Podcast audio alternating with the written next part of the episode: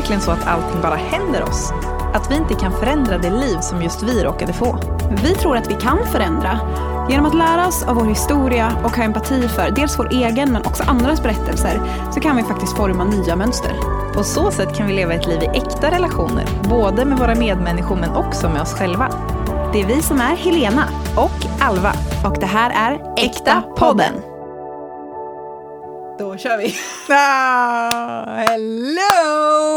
Välkommen! Välkommen! Gott nytt år! God fortsättning, God fortsättning. på det nya året. Man får inte säga det längre känns Jo, det som. jo, jag Hur googlade det här. Ja. Nej, alltså vi googlade och det är väldigt uppstyrt exakt när man får säga. Så god fortsättning kan man säga. Först säger man god fortsättning på julen, efter jul, ja, men det vissa känns dagar. rimligt. Men sen så säger man liksom gott nytt år ett tag. Det kan man säga typ från den 30 till den första eller någonting. Men sen efter det så kan man säga god fortsättning igen, för då är det god fortsättning, Fortsättning på, det, nya året. Okej, god fortsättning på det nya året. Det har jag aldrig hört. Nej, eh, det, det, som kändes förvirrande.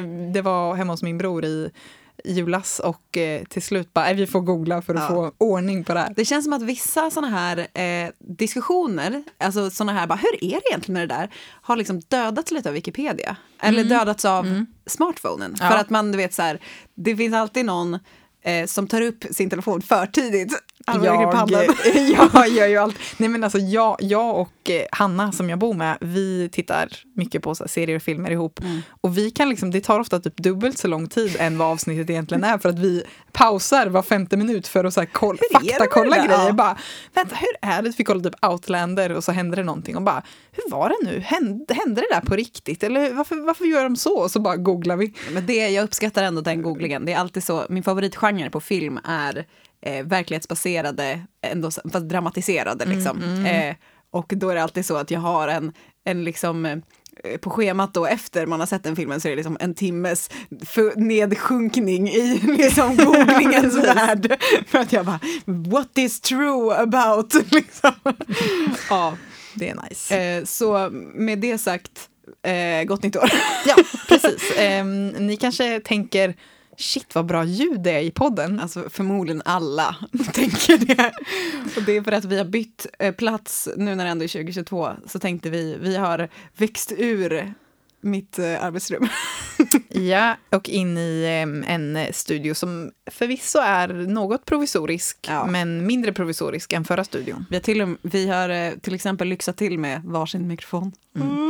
Därav det bra ljudet. Exakt. Eh, de levande ljusen är fortfarande med. Ja. Så, men för er som har liksom föreställt er oss sittande i Helenas gästrum, ni får nu tänka om. Ja, byt, byt syn. Mm. Och med det sagt så säger vi välkommen tillbaka till oss, till Äkta-podden.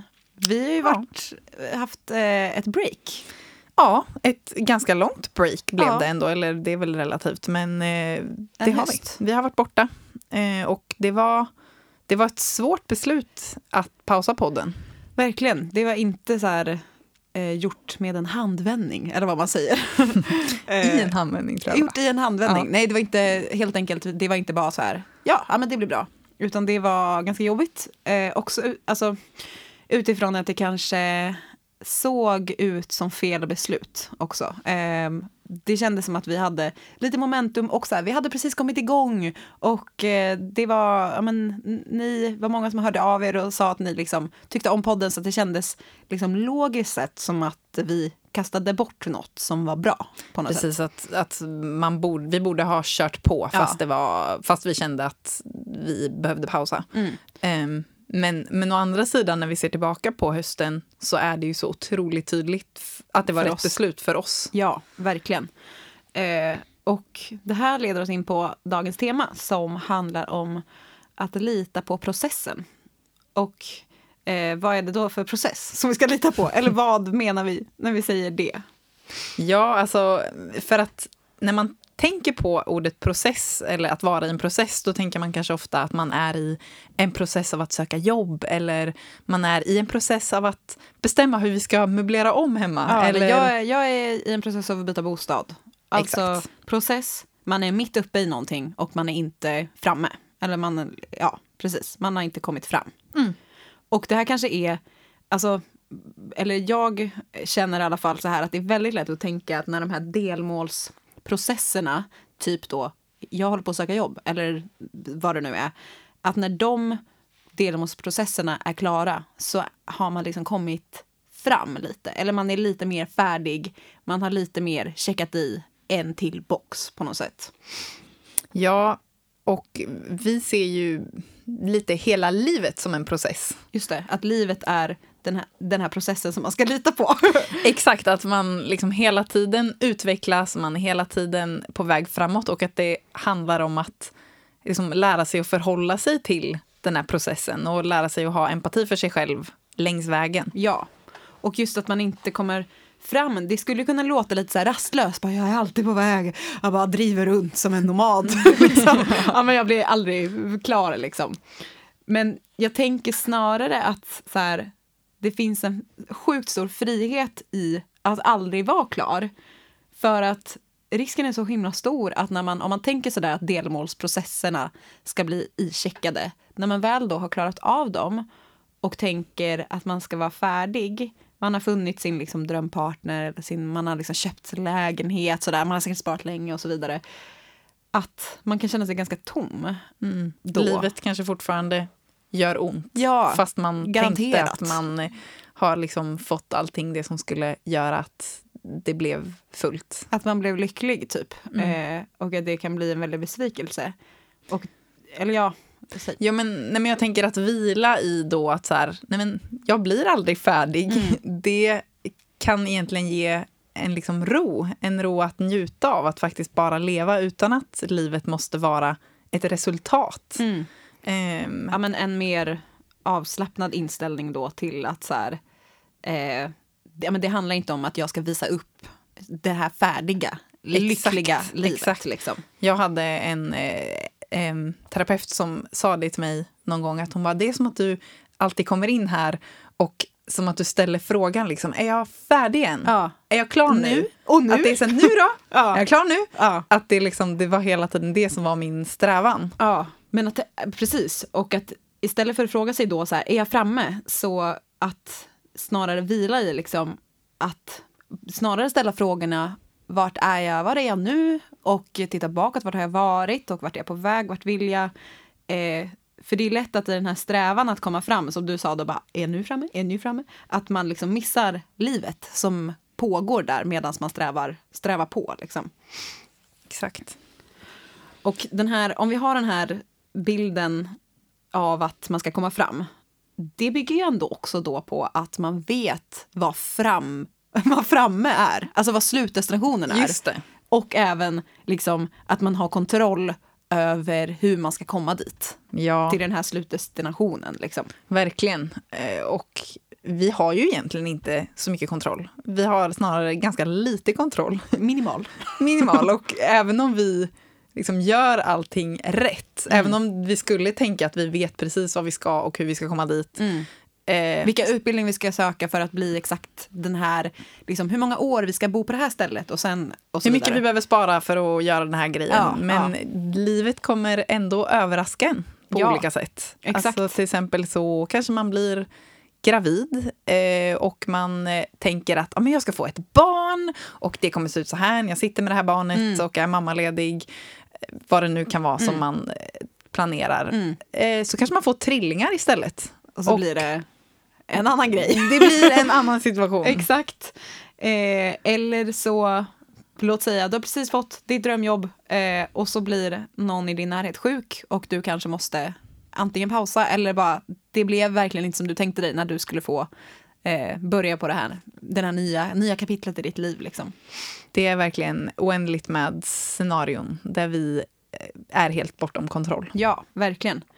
Och det här, alltså, vi säger inte det här för att så här, så kasta alla mål i sjön, ni behöver dem inte. Utan alltså vi är all for visioner och alltså så här att våga typ satsa på grejer för sitt liv och våga liksom tänka framåt, eller hur? Ja, det har ju vi också pratat om. Ja. Mm. Våga, våga drömma, skriv listor för kommande år och, och liksom visionera på. Ja, exakt. Vi älskar det. Vi älskar kontroll. Ja, Vi, alltså, precis. Det är verkligen ja. Alltså, vi är eh, inga så här, eh, släppa kontrollen saints direkt. Vi har liksom lärt oss det här den hårda vägen. Ja, och vi har inte, vi har inte lärt oss det.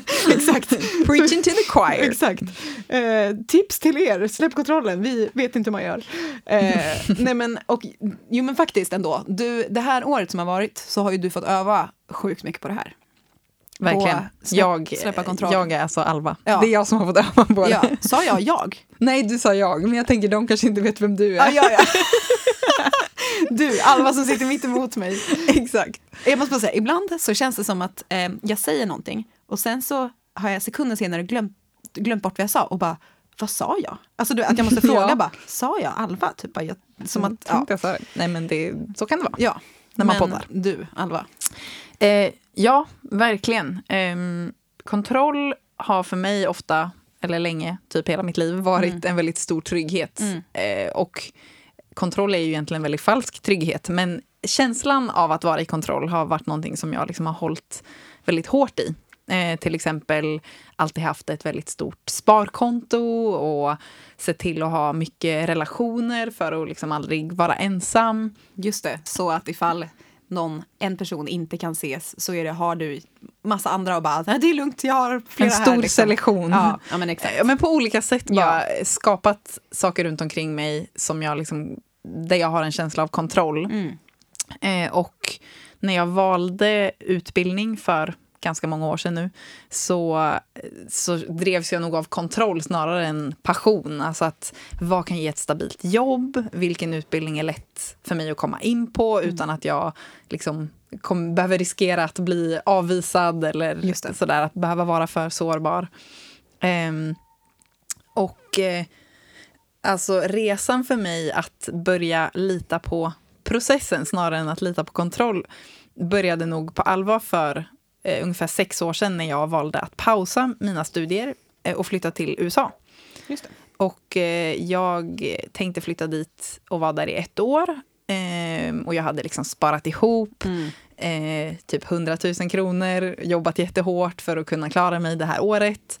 Och eh, det slutade med att jag var där i tre år. Mm.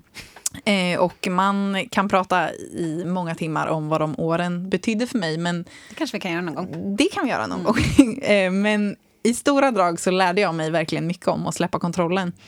Eh, både då med pengar till exempel, att Du kunde ju inte jobba där. jag kunde Eh, inte jobba nej. och jag hade inget CSN. Så ni kanske undrar hur klarade jag mig och det undrar jag med. eh, men, eh, det, så dels det, men också att verkligen ja, men, så här, börja gå i terapi och våga titta på smärta och eh, så som jag kanske inte hade vågat titta på innan. Det är ju verkligen också ett mer abstrakt sätt att släppa kontrollen. Verkligen. Att kasta sig in i så här, bara titta på saker som finns inom en och inte ha någon aning om egentligen från början kanske hur man ska hantera det. Alltså det är verkligen, jag förstår för man stänger den dörren. Verkligen. Alltså- Man vet inte hur det kommer kännas. Nej. Och jag tror många tänker också att om jag tittar på saker som är eh, för jobbiga så kommer det göra så ont så att jag typ dör. Eller jag kommer inte klara det. Ja. Tänker att det är därför många väljer att Ja, inte göra det. Verkligen. Ehm, men jag tror att om jag inte hade haft den grunden som de här åren i USA eh, gav mig så hade det här senaste året, där jag också har fått släppa väldigt mycket kontroll, sett annorlunda ut Mm. än vad det gjorde. Verkligen.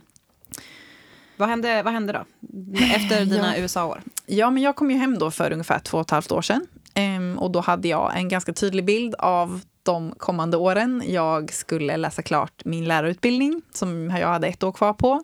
Sen skulle jag få ett jobb och sen skulle jag jobba på det jobbet och tjäna pengar. Var inte lite känslan så att så här, nu har jag gjort mina liksom, utbrytarår? Alltså, jag har Verkligen. gjort mina liksom, såna eh, wild-år. Nu ska jag komma tillbaka och få ett riktigt liv. Absolut, det känns som att man har några sådana år och jag kanske redan hade levt lite på så här, jag hade maxat dem redan lite Just för det. mycket. Att så här, ja, men egentligen I kanske man har, kanske, I mitt huvud, ja mm. precis. Egentligen kanske man har två, tre så här gap years eller Mm. år där man är lite crazy och reser. Men jag hade gjort några fler sådana år. Så det var så här, bara, nu är det dags, nu är det ändå, jag var 29 när jag kom Mm. tillbaka, så här, nu är det dags att liksom, eh, ja, komma tillbaka på banan med livet. Just det, komma tillbaka på till planen, följa planen. Liksom. Precis. Eh, och jag, eh, ja, men jag hittade mitt jobb eh, och på många sätt så funkade det. Kanske mest nu när jag tittar tillbaka för att jag verkligen ville att det skulle funka. Jag var inställd på att det här ska fungera, för det är det här jag ska göra nu. Lite by force, alltså att det funkade liksom för att du ja, men in i det sista ville att det skulle fungera. Liksom. Exakt. Och jag tror också mycket, jag jobbade ju då som lågstadielärare i en etta eh, i en skola i Stockholm. Och eh, för er som känner till någonting om skolvärlden eller har jobbat där, så, och även kanske ni som inte gör det, så är det ganska normaliserat med eh, att det liksom slits i skolan. Att man pratar mycket om, ja men det är de här tre eller ibland typ sju hundår som lärare och det är så och då ska man liksom jobba upp sin bank eller ja men man ska jobba liksom övertid, övertid mm. gratis, det, liksom hela skolan bygger på det. Mm. Och det, det gör ju också att det är svårare att se att det inte är sunt för att det är så normaliserat. Ja, verkligen. Men jag jobbade på då eh, under höstterminen och eh, det funkade. Jag hade ändå en ganska liten klass och eh, jag hade saker under kontroll även om jag inte orkade göra någonting annat än att jobba. Du orkade inte göra någonting annat? Alltså det var ju verkligen... Eh, du dog ju typ när du kom hem. Ja, verkligen. Jag var helt förstörd och mådde liksom fysiskt mm. illa och dåligt. Mm. Och så, både på kvällar och helger var liksom helt kraschade. Eh, men det var ändå inte så att jag tänkte va, men man kanske skulle sluta. Typ. Det kanske inte borde vara så här. Utan jag körde ändå på. Sen vid jul så eh, hände massa saker i bara liksom de praktiska omständigheterna för mig. Där jag fick eh, åtta stycken nya elever, bland annat i min klass. Mm. Och så där, så att efter jul så kom jag tillbaka och det gick ganska fort innan jag, det eskalerade mycket, liksom, att jag fick mycket så här, stresssymptom. Jag började så, jag vaknade så här, på nätterna i liksom, panik, typ, mm. eller var helt klarvaken och jag fick men, så här, mycket svårt att andas och fick ångest och mådde illa. Och du ringde ju ofta från typ toaletten och bara, jag vet inte hur jag ska klara resten av den här dagen. Typ. Alltså... Var liksom inne, bara satt typ och grät på mm. toaletten. Eller kom hem på kvällarna och, och bara tänkte på mina elever och kände mig så sjukt maktlös mm. inför att inte ha tillräckligt med verktyg för att kunna mm. hjälpa dem eller göra det som jag vill göra. Jag tror det också sitter så djupt i mig att vilja göra ett bra jobb mm. och det fanns inga förutsättningar för mig att göra det. Um, men, men det här höll ju på då efter lovet i typ två månader fram tills jag hade sportlov, eller ja, sportlov i mm. februari. Och då åkte jag till eh, Dubai Eh, Eh, för att hälsa på mina några släktingar som jag är väldigt nära med, som jag har bott hos tidigare när jag var yngre, som bor där nu. Och eh, då, vet jag, typ första, det var nog typ första morgonen så träffade jag i köket Andrew då som är min eh, pappas kusins man. Och så pratade vi lite kort om så här, ja men det är ganska tufft nu, jag mår inte så bra. Och han är väldigt så här, han är liksom affärsman ute i fingerspetsarna, superframgångsrik, eh, har liksom verkligen så tagit sig någonstans i livet, rent karriärsmässigt. Mm. Och han, och han är så chef över jättemånga personer. Och han sa direkt bara så här, okej okay, men sluta då. Det, Varför är du kvar? Ja, det är väl bara slut. Du, ja. Och jag var så ja, nej men jo, men det funderar jag på kanske så här fram till sommaren. Eller varför då? Nej, men sluta nu. Så här, det finns ingen anledning att mm. lägga liksom, energi på någonting som uppenbarligen är så dåligt. Mm. Och det... Även om det, det här utifrån perspektivet, liksom. Verkligen, det blev så tydligt att så här, okej, okay, så kan man tänka. Ehm, och det satte nog, det satte verkligen igång tankar i mig och sen processade jag ganska mycket hela den veckan att, eh, ja men, hur, hur jag egentligen mådde. Det blir tydligt när man kommer iväg och också ja. så här, bara det miljöbytet gjorde mig så himla gott. Och mm. jag pratade ju då mycket med min kusin, eller min pappas kusin som är lite äldre än mig och har liksom eh, tror jag kan, kunde relatera också till mycket av det som jag gick igenom och hon var väldigt peppande till att bara så här, hjälpa mig att se att det finns någonting annat. Liksom. Det ja, finns... det här är inte liksom ditt enda alternativ och liksom det, du är inte liksom du är ung, eller bara det finns så mycket liksom, annat du skulle kunna göra förutom att ha det här jobbet där du mår kast. Liksom. Verkligen, bara det är inte värt. Och mm. hon var också väldigt så att ja, men så här, du kommer nog inte må bättre förrän du slutar. Liksom. Mm. Att så här, eller det kanske kommer kunna funka men det kommer inte bli bättre. Du kanske inte är gjord för att ha den vardagen eller så är du inte det just nu. Mm. Men det finns massa alternativ och det liksom finns ingen anledning att inte må bra. Mm. Eh, och eh, det är ju liksom lätt hänt när man är mitt i någonting att det känns som att det här är mitt enda alternativ. Ja. Och jag hade ju också, det var ju, satt ju så djupt det här med att jag var äntligen på banan liksom, Ja. karriärsmässigt. Jag hade börjat spara till pensionen, till min Mm. pappas, pappas stora lycka. Glädje. Det har liksom varit den, en av de största orosfrågorna. Bara, men pensionen då? Och nu är du äntligen där och Ja, spara. äntligen Mm. liksom. eh, Och bara så här. Men det är så konstigt egentligen, för det finns ju inte någon tidslinje. Eller vadå, liksom, enligt Mm. vem? Men Ja. det var verkligen så det kändes. Och, och nu i efterhand så kan jag verkligen se så tydligt att eh, Nej men att, att jag borde ha slutat. Att Ja. det, är så här, det, var, det borde varit ett så lätt beslut. Ja. Men det var inte det. Ehm, och jag kom hem väldigt bara så här eh, refreshed Mm. efter den veckan. Det hade verkligen gett mig så mycket perspektiv att bara så få vara i en annan miljö, vara med personer som kunde liksom ge mig ett annat perspektiv. Och eh, jag började direkt, jag skulle jobba hemifrån den veckan för att vara i karantän och eh, skulle ha liksom lite utvecklingssamtal och sånt över Teams. Och jag, det var verkligen som liksom att sätta på en knapp att det blev tydligt att hela min kropp bara direkt gick in i liksom, eh, att må dåligt Mm. på, över en natt. Liksom. Åh, lilla kroppen. Ja, som bara känner och kommer ihåg allting. Mm. Eh, och eh, Jag hade sån magkatarr att jag, jag trodde att jag var magsjuk. Och jag låg, jag låg inne i ett mörkt rum. Jag är ändå ganska, det krävs ganska mycket för mig för att jag inte ska vara liksom social. Och eh, Vi har en annan kompis som jag brukar prata med, typ dagligen. Mm. Och hon... Jag minns att jag, så för jag låg i det här rummet i typ ett dygn, bara i mörker, liksom, Mm. för att jag mådde så fruktansvärt illa. Och eh, så tittade jag på telefonen typ dagen efter och hade typ så här fem missade samtal Mm. från Johanna och hon bara ah, hur mår du? Då vet man ändå att här, jag Ja. inte mår bra. Ja. Och eh, det... Ja, jag mådde jättedåligt. Och till slut, efter bara jätte, jättemycket process så, eh, så bestämde jag mig för att gå till en läkare och, som sjukskrev mig. Mm. Eh, först ja, men en månad, men sen så, så blev det ju under hela våren. Liksom. Mm. Eh, och det, jag tror med sjukskrivning så tänker alla att det skulle aldrig hända mig Mm. förrän man är där själv. Verkligen. Det är verkligen, känns som att alla som jag känner som har varit där, för att det är ofta så personer som är väldigt så här, duktiga och Starka, drivna och kapabla, starka. Ja, bla, bla, bla. precis. Mm. Det är ofta det som också krävs för att man ens ska komma dit. Mm. Ehm, men så att under våren så, ehm, ja, så fick jag eh, verkligen, och då blir det som när man väl pausar också, då är man ju tillbaka på då hoppar man många steg bakåt för att kroppen till slut får slappna av. Mm. Och då, det är först då man kanske också inser hur, hur dåligt Mm. man mår. Och jag kan känna nu, då så tänkte jag ändå, så här, vad skönt att jag ändå stannade i tid jämfört Ja. med hur långt jag kan gå för vissa. Och nu när jag tittar tillbaka så tänker jag bara... Man hade kunnat stanna ännu tidigare. Man hade kunnat stanna tidigare. Det, Ja. var, det jag orkade var ju typ att ta ett bad, eller två bad, i badkaret om dagen och kanske typ en promenad. Och jobba. Och ja, Eller, inte ja, jobba. ja, alltså ja, efter, under sjukskrivningen. under sjukskrivningen. Exakt, ja.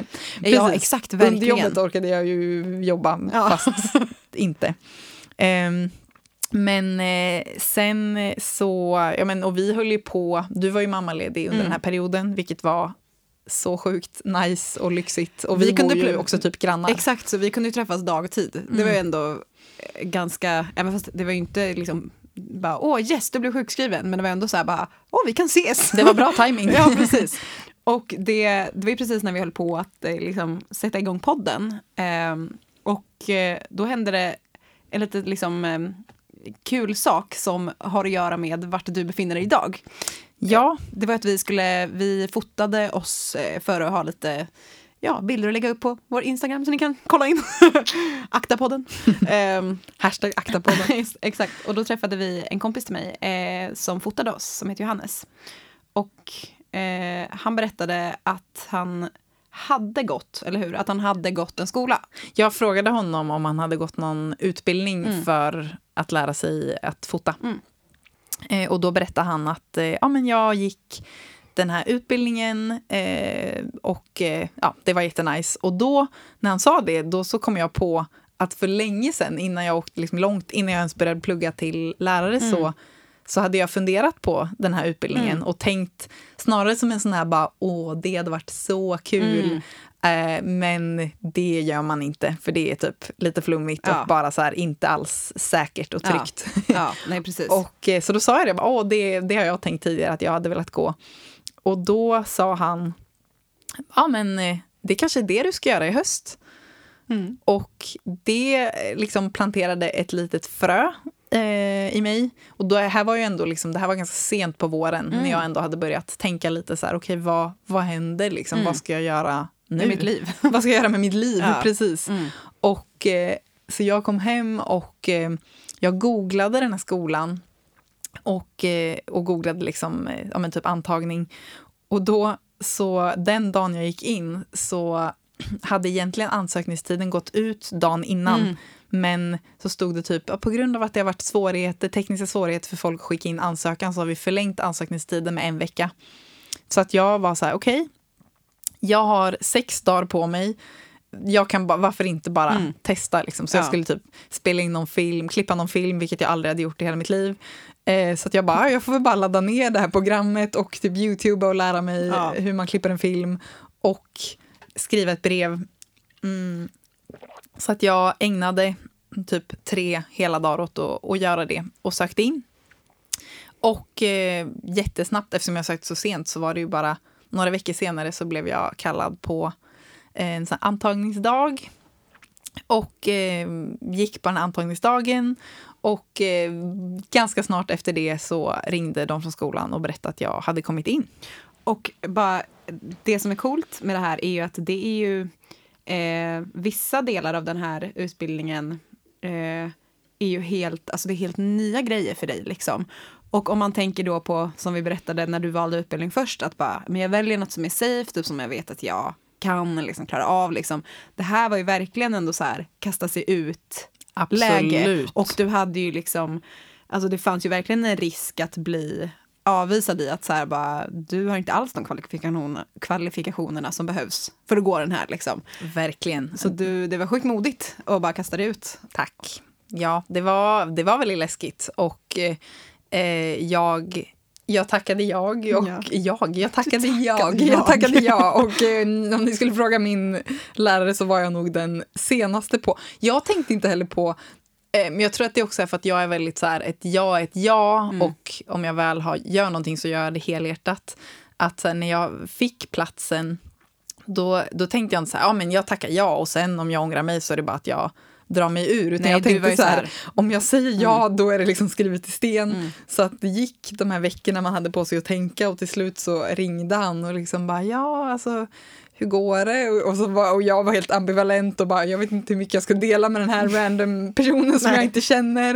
Eh, och då var det gulligt för då sa han typ bara så här, okej men jag kan säga så här, du har full frihet att säga ja och om du ångrar dig så kan du liksom ångra dig. Du bara, jaha, det var nice. det kan funka så. Ehm, men eh, ja, det, det kan låta liksom... Nej, eller ja. Nej men bara så här, när man lyssnar på det här så kan det låta så himla så här steg för steg på något sätt. Bara, ja, och sen så liksom åkte du till Dubai och där fick du insikter. När du hade fått insikterna så sjukskrev du dig. Alltså som att det liksom är på något sätt en så här eh, klar resa. En liksom tydlig resa på något sätt. Men det var ju absolut inte så när du var i det. Nej, verkligen inte. Alltså, det var så sjukt bortom kontroll. Eh, det var verkligen liksom... Det var jättejobbigt och det var ju, eh, vad ska man säga, kladdigt och rörigt. Ja, och, inte självklart. Verkligen inte självklart och verkligen inte lätt. Alltså, det var inte lätt med utbildningen för att jag fick ju brottas så himla mycket med tankar av att så här, det kändes som ett misslyckande att sluta jobbet. Det kändes som att jag svek mina elever, det kändes som att jag svek deras föräldrar. Det kändes som att jag, eh, liksom, från att äntligen ha varit på banan eh, liksom skulle ta ett steg tillbaka. Och du börjar om, alltså börjar på en, i en helt annan bana, liksom eh, utbildningsbana. Exakt. Och jag var så himla rädd för att liksom vad ska andra tycka? Andra kommer döma mig för det här. Andra kommer tycka att jag är flyktig eller att jag är liksom någon som bara vänder kappan efter vinden. Vilket förmodligen är att jag själv. Det var så jag tänkte om mig själv. Liksom. Ja, exakt. Då är det lätt att tänka att andra tänker så. Och det, alltså det här, vi säger det här för att det, eller jag tycker att det är så sjukt lätt att titta på andras resor eller vad man ska säga, andras liksom väg och tänka bara, ja men såklart, för den var det så lätt att det där hände typ. Men det ser ju all, nästan alltid ut så i efterhand. Men det är ju sällan så när man är i det. Och Alva, alltså för dig så var det ju att släppa kontrollen var ju liksom hela grejen typ. Och Verkligen. det var jättejobbigt eh, och svårt. Det var så svårt och jag hade ju väldigt bra personer runt omkring mig. Jag tror inte jag hade klarat det själv. Jag behövde ju verkligen bara typ daglig påminnelse av men till exempel Hanna som jag bor med som verkligen varje gång jag skulle gå för här, nytt uppföljningsmöte bara under sjukskrivningen så var det ju liksom att så här, men nu kanske jag ändå orkar, nu kanske jag ändå kan och att hon fick så här du orkar inte, du orkar ingenting, du mår inte bra, tänk på hur det kändes. Det. Och sen när, jag väl, när det väl var dags att liksom, när sommaren kom, då var det också bara, men jag kanske, det kanske är bättre att bara gå tillbaka och att jag behövde då att du bara, fast kommer du ihåg hur det var? Eh, så att Exakt. det är ju verkligen någonting som man, där man ofta behöver hjälp. Men hur är det, nu går du ju den här utbildningen som du sa ja till efter Nu mycket går om och jag men. utbildningen, ska, jag, ska vi säga vad det är för utbildning? Ja, precis, nu Det har känns vi bara- hemlighetsfullt. Det har varit liksom utbildningen, stort ut. ja, verkligen. Ja, säg. Eh, ja, men eh, jag pluggar media och contentproduktion. Det låter lite I flummigt. tiden. Det är Verkligen i tiden. Verkligen i tiden. Det är ju en journalistiskt inriktad utbildning Ja. eh, med liksom, som är väldigt eh, bred. Så den, alltså en medieutbildning där jag ehm, får lära mig. Jag har lärt mig så sjukt mycket den här terminen. Jag kände mig helt korvstoppad när jag gick på jullov. Men eh, klippa film och animera film och eh, greja med ljud och eh, Photoshop och skriva och här, göra, gjort massa nyhetsinslag och allt möjligt. Ja, du har varit grym. Du har lärt dig så mycket, sjukt mycket nytt alltså. Ja, Det är verkligen, eh, alltså, eh, ja, jag har varit otroligt imponerad av dig. Och det är inte som att det har varit så här, bara, nu går den här utbildningen och allt har blivit jättebra. Alltså, det har ju Nej. varit eh, också jobbigt det här liksom. det har varit jättejobbigt. Det har varit otroligt sårbart att liksom vara, jag är ändå bland de äldsta i klassen. Och många har mycket mer erfarenhet av de här sakerna än vad jag har och har gjort det tidigare. Och det har verkligen känts så här, bara att göra någonting för första gången när man är 31, det är sårbart. Liksom, Ja. att bara så här, det här är ganska dåligt för att jag aldrig gjort det förut. Eh, och att bara, eh, så att varje process har ju varit skitjobbig, men eh, jag har också haft så sjukt kul och det, i det, även om det inte har varit lätt, så känns det fortfarande så rätt. Och det är det som är eh, häftigt att eh, det, du lever ju liksom ett annat liv nu, eh, ett år senare liksom. För det var ett år sedan. Ja, det var ju alltså, mindre än ett år sedan som jag blev sjukskriven. Ja. Det var ju, ja, men I februari så var det ett år sedan som jag Exakt. flyttade till Dubai. Och nu lever du liksom ett helt, alltså ett liv som du inte hade kunnat liksom eh, se, eller du hade inte kunnat liksom kontrollera dig fram till det. Eller. Precis. Även om jag hade följt alla steg som jag i mitt huvud tänkt. Så det, alltså, jag har ju till exempel också fått ett extra jobb Just det. som eh, också var så här, bara... eh, Jag hade, visste inte ens att det här jobbet fanns. Nej. Eh, Men nu känns det typ som en dröm. Liksom. Ja. Eller det, jobbet i sig är jättekul och det har också öppnat upp för massa dörrar Mm. inom liksom, en helt ny värld som jag inte har varit en del av innan. Och det hade jag inte kunnat planera för, för jag visste inte ens att det Att fanns. det fanns. Nej, exakt.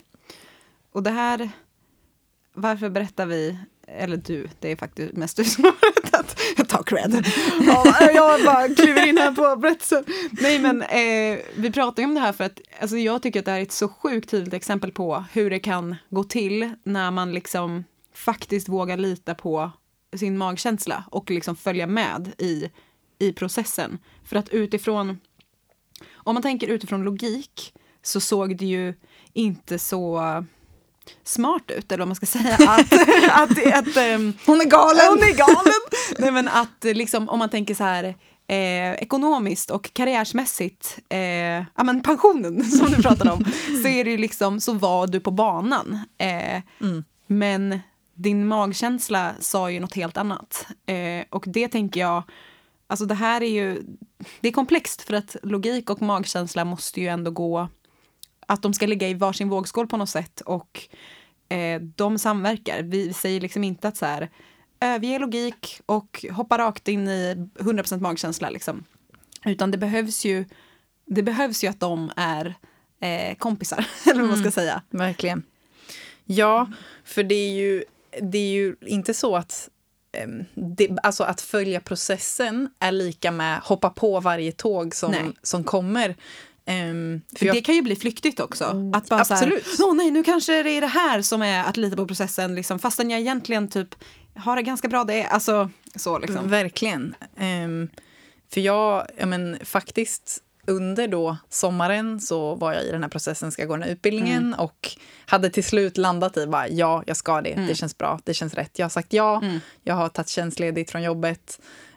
Um, nu kör vi. Liksom. Nu kör vi. Uh, och då så från bara ingenstans en kväll när jag, det var en sån här magisk kväll också, en sån här riktigt typ mm. varm sommarkväll. Jag gick hem från stan och så fick jag ett sms där en kompis till mig som bor i USA eh, bara skrev att ja, men jag träffade den här personen som eh, bor i LA med sin man och eh, hon vill ge dig ett jobb, typ. Hon mm. kommer höra av sig. Eh, varpå hon hör av sig nästa dag och eh, det här är alltså typ min dröm. Det var som att alla komponenter i det här jobbet var så här, det stod typ Alva på det. Liksom. Det var liksom, jag hade sagt tidigare att bara, jag skulle älska att jobba, driva typ sociala medier för en startup. Mm. Och jag, eh, jag men, vill göra någonting kreativt. Mm. Och jag vill ju bo i LA. Mm. Eh, och det var verkligen så här, hon och hennes man eh, var fotografer och hade ett företag och ville ha någon som drev, drev deras sociala medier mm. och också typ hjälpte med hemskolning av deras barn mm. när de åkte på resor. Mm. Eh, och det var till och med så här, de bara, du kan bo i vårt Airbnb de första månaderna. Vi bor mm. i Silver Lake. Och jag hade pratat då med min närmsta kompis i LA som eh, bara, jag ska nog flytta till Silver Lake. Alltså det mm. var så mycket grejer ja. som bara så här, det här borde ju vara rätt. Mm. Men det var också saker i det som eh, till exempel att jag precis hade varit utbränd mm. och kände bara jag skulle inte orka en sån en flytt sån flytt. Nej, exakt. Hur rätt det än låter så är det liksom inte rätt timing. Mm. Men också att jag, jag hade ju tackat ja till utbildningen. Mm. Jag hade liksom sagt ja till någonting annat. Mm. Och ibland kan det ju vara så att det, det liksom får bli det som är indikatorn också.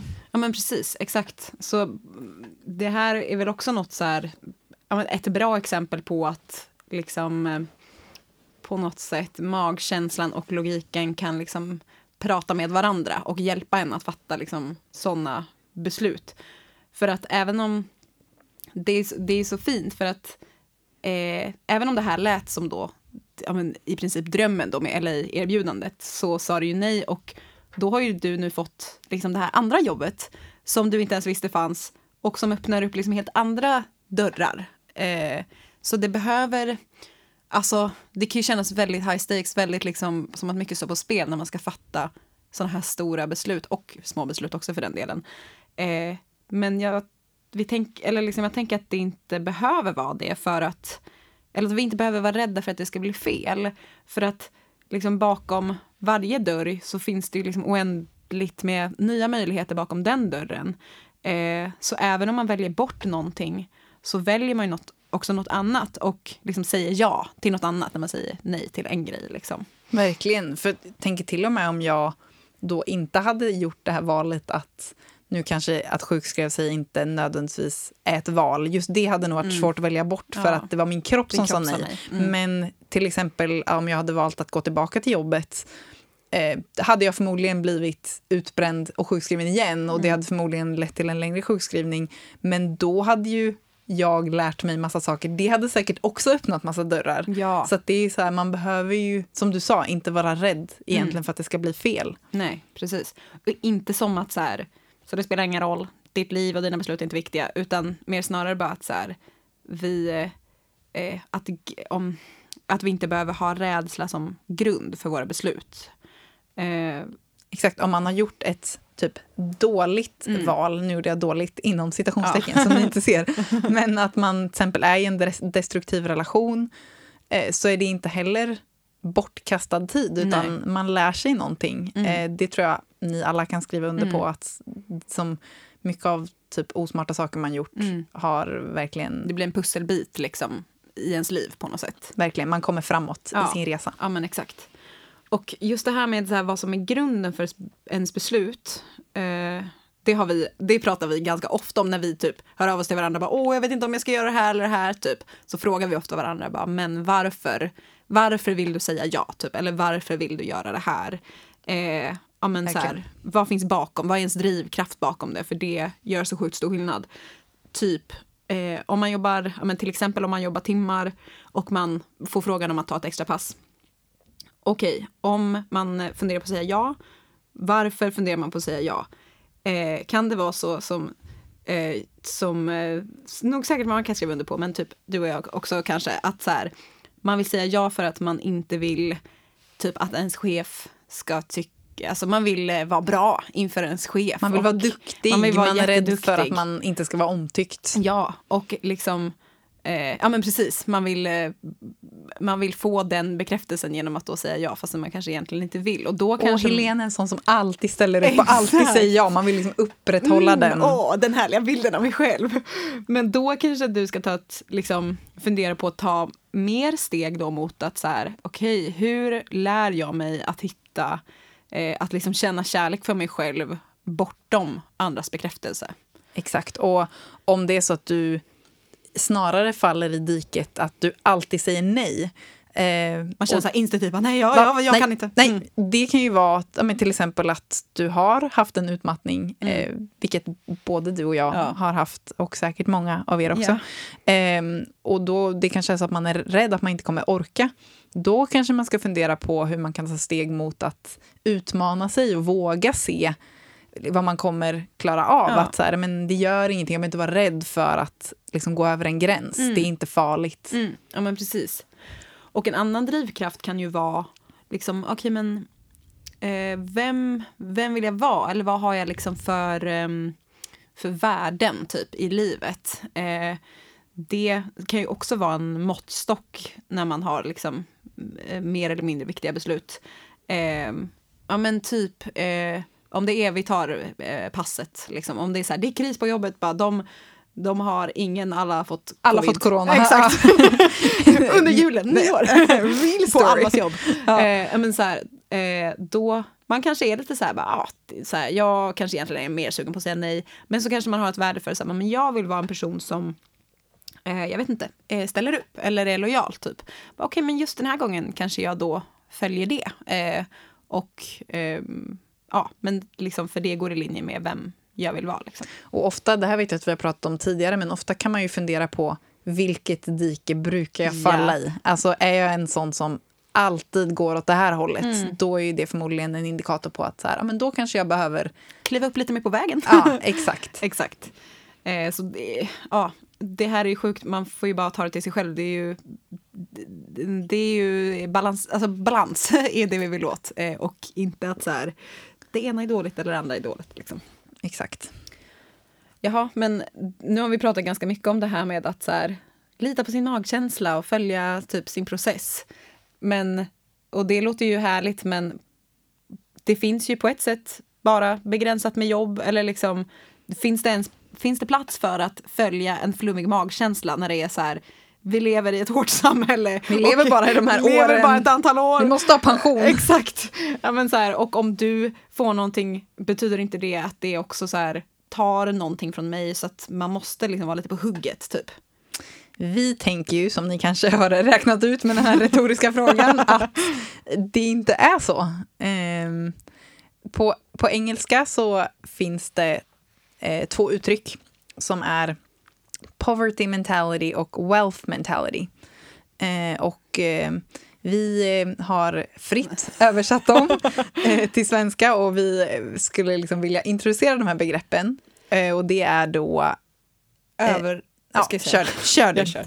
Eh, överflödsmentalitet, nu tog jag med annan ordning, men överflödsmentalitet och inte ha nog-mentalitet. Okej, vad betyder de? Get ready. Eh, Okej, eh, inte ha nog-mentalitet.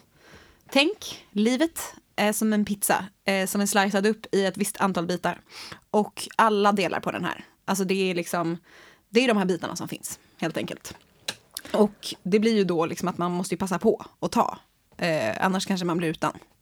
Ja, precis. Och i relation då till möjligheter så eh, som yttrar det sig som att ja, men jag måste ju ta den chansen jag får, för det kanske blir min enda, enda, för sen kommer det en massa andra personer och äter upp alla andra Exakt. liksom pizzaslicer, alltså tar Ja. alla andra chanser. Och eh, ja, men det kanske leder då till att man håller väldigt hårt i det man har, att man har svårt för att vara generös och att man på ett stressigt sätt måste ta varje chans fast man kanske inte ens mår bra av det. Ja, ja men precis.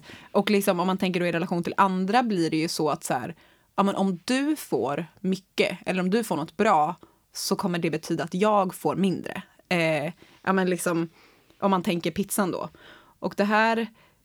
Eh, jag frilansar som musiker. Jag eh, är föräldraledig i eh, några dagar till. och sen så ska jag börja.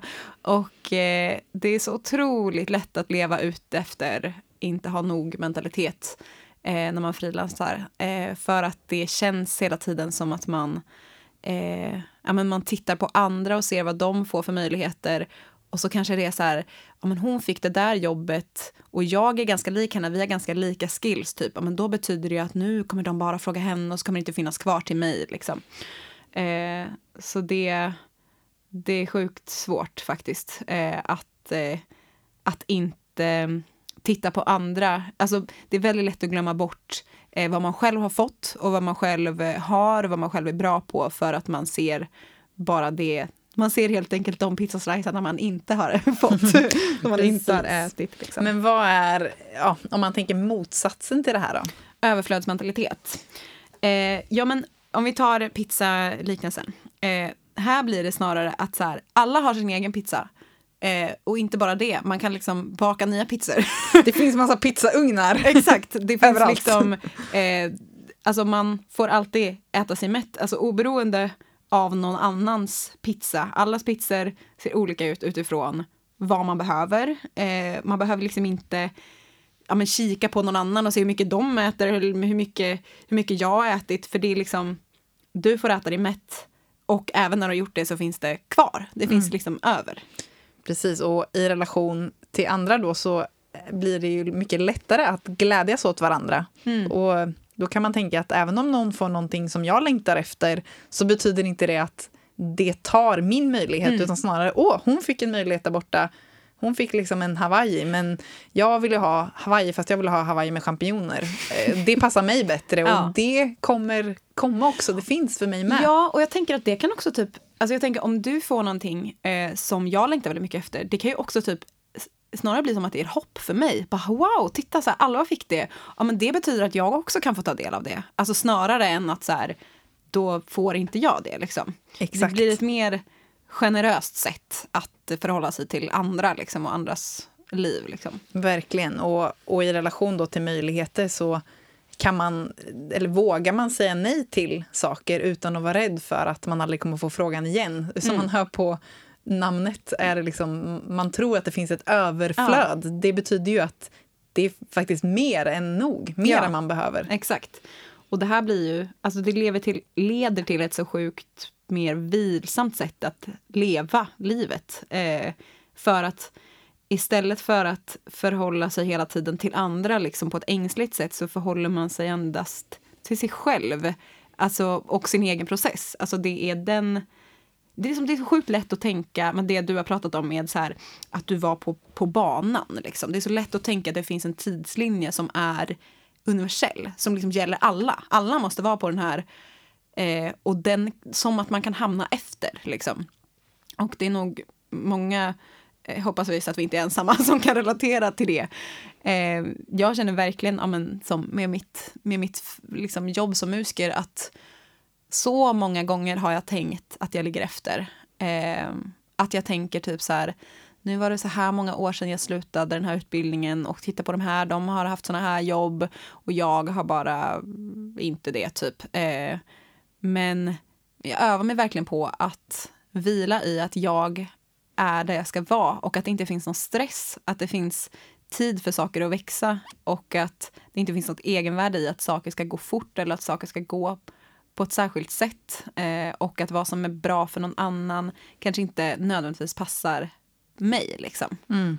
Och det blir ju så mycket skönare när man kan tänka så för att som vi precis har sagt och berättat och mm. på något sätt demonstrerat med min berättelse mm. och med våra liv att det kommer ändå inte bli så. Man Exakt. kommer ändå inte följa tidslinjen och man sparar sig själv så sjukt mycket energi om man kan släppa den tanken, eller försöka i alla fall, och tänka att så här, men jag är ju där jag ska vara. Det finns ingen annan plats jag kan vara.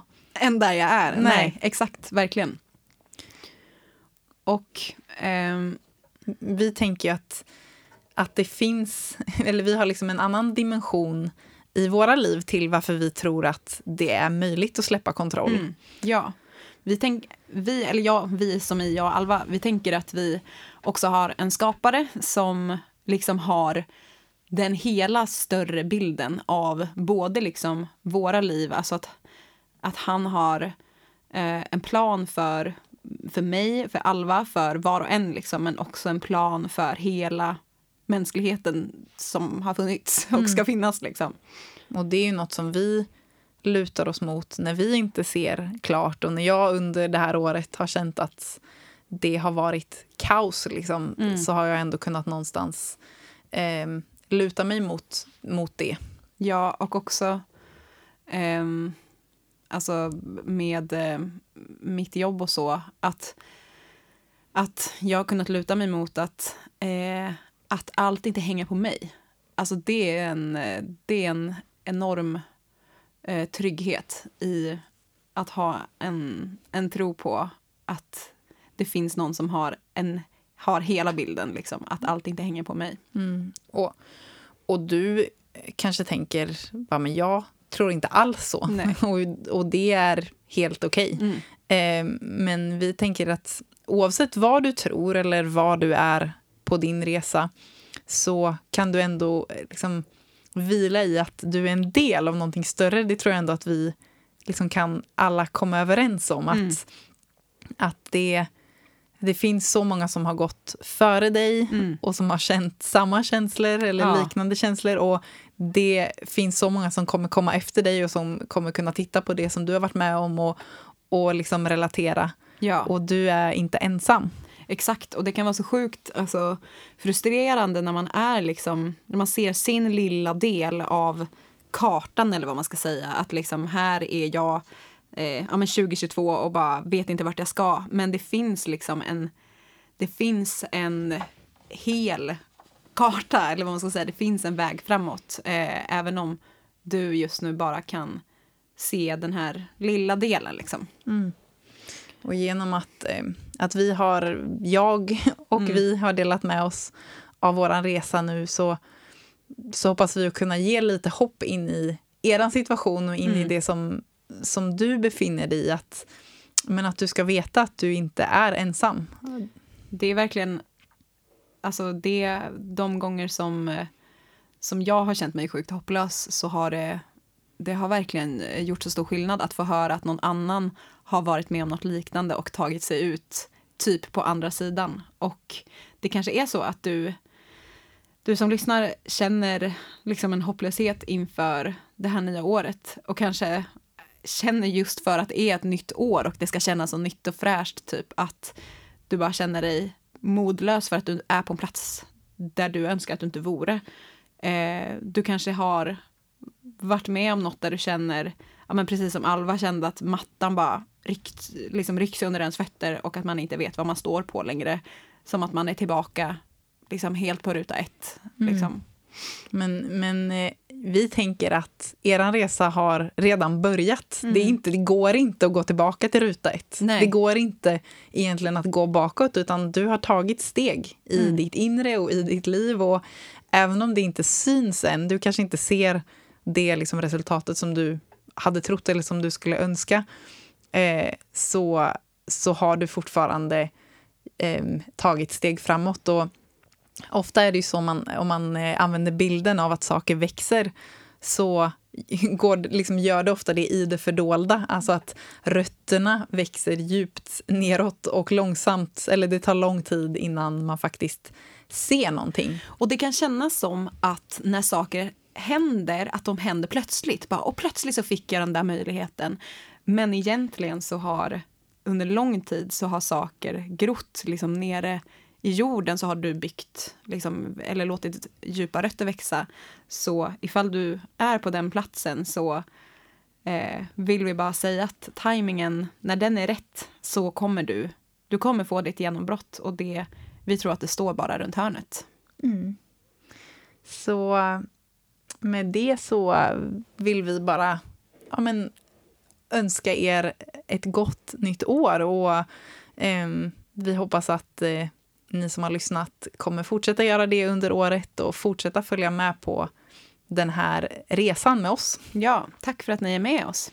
Gott nytt år! Oh.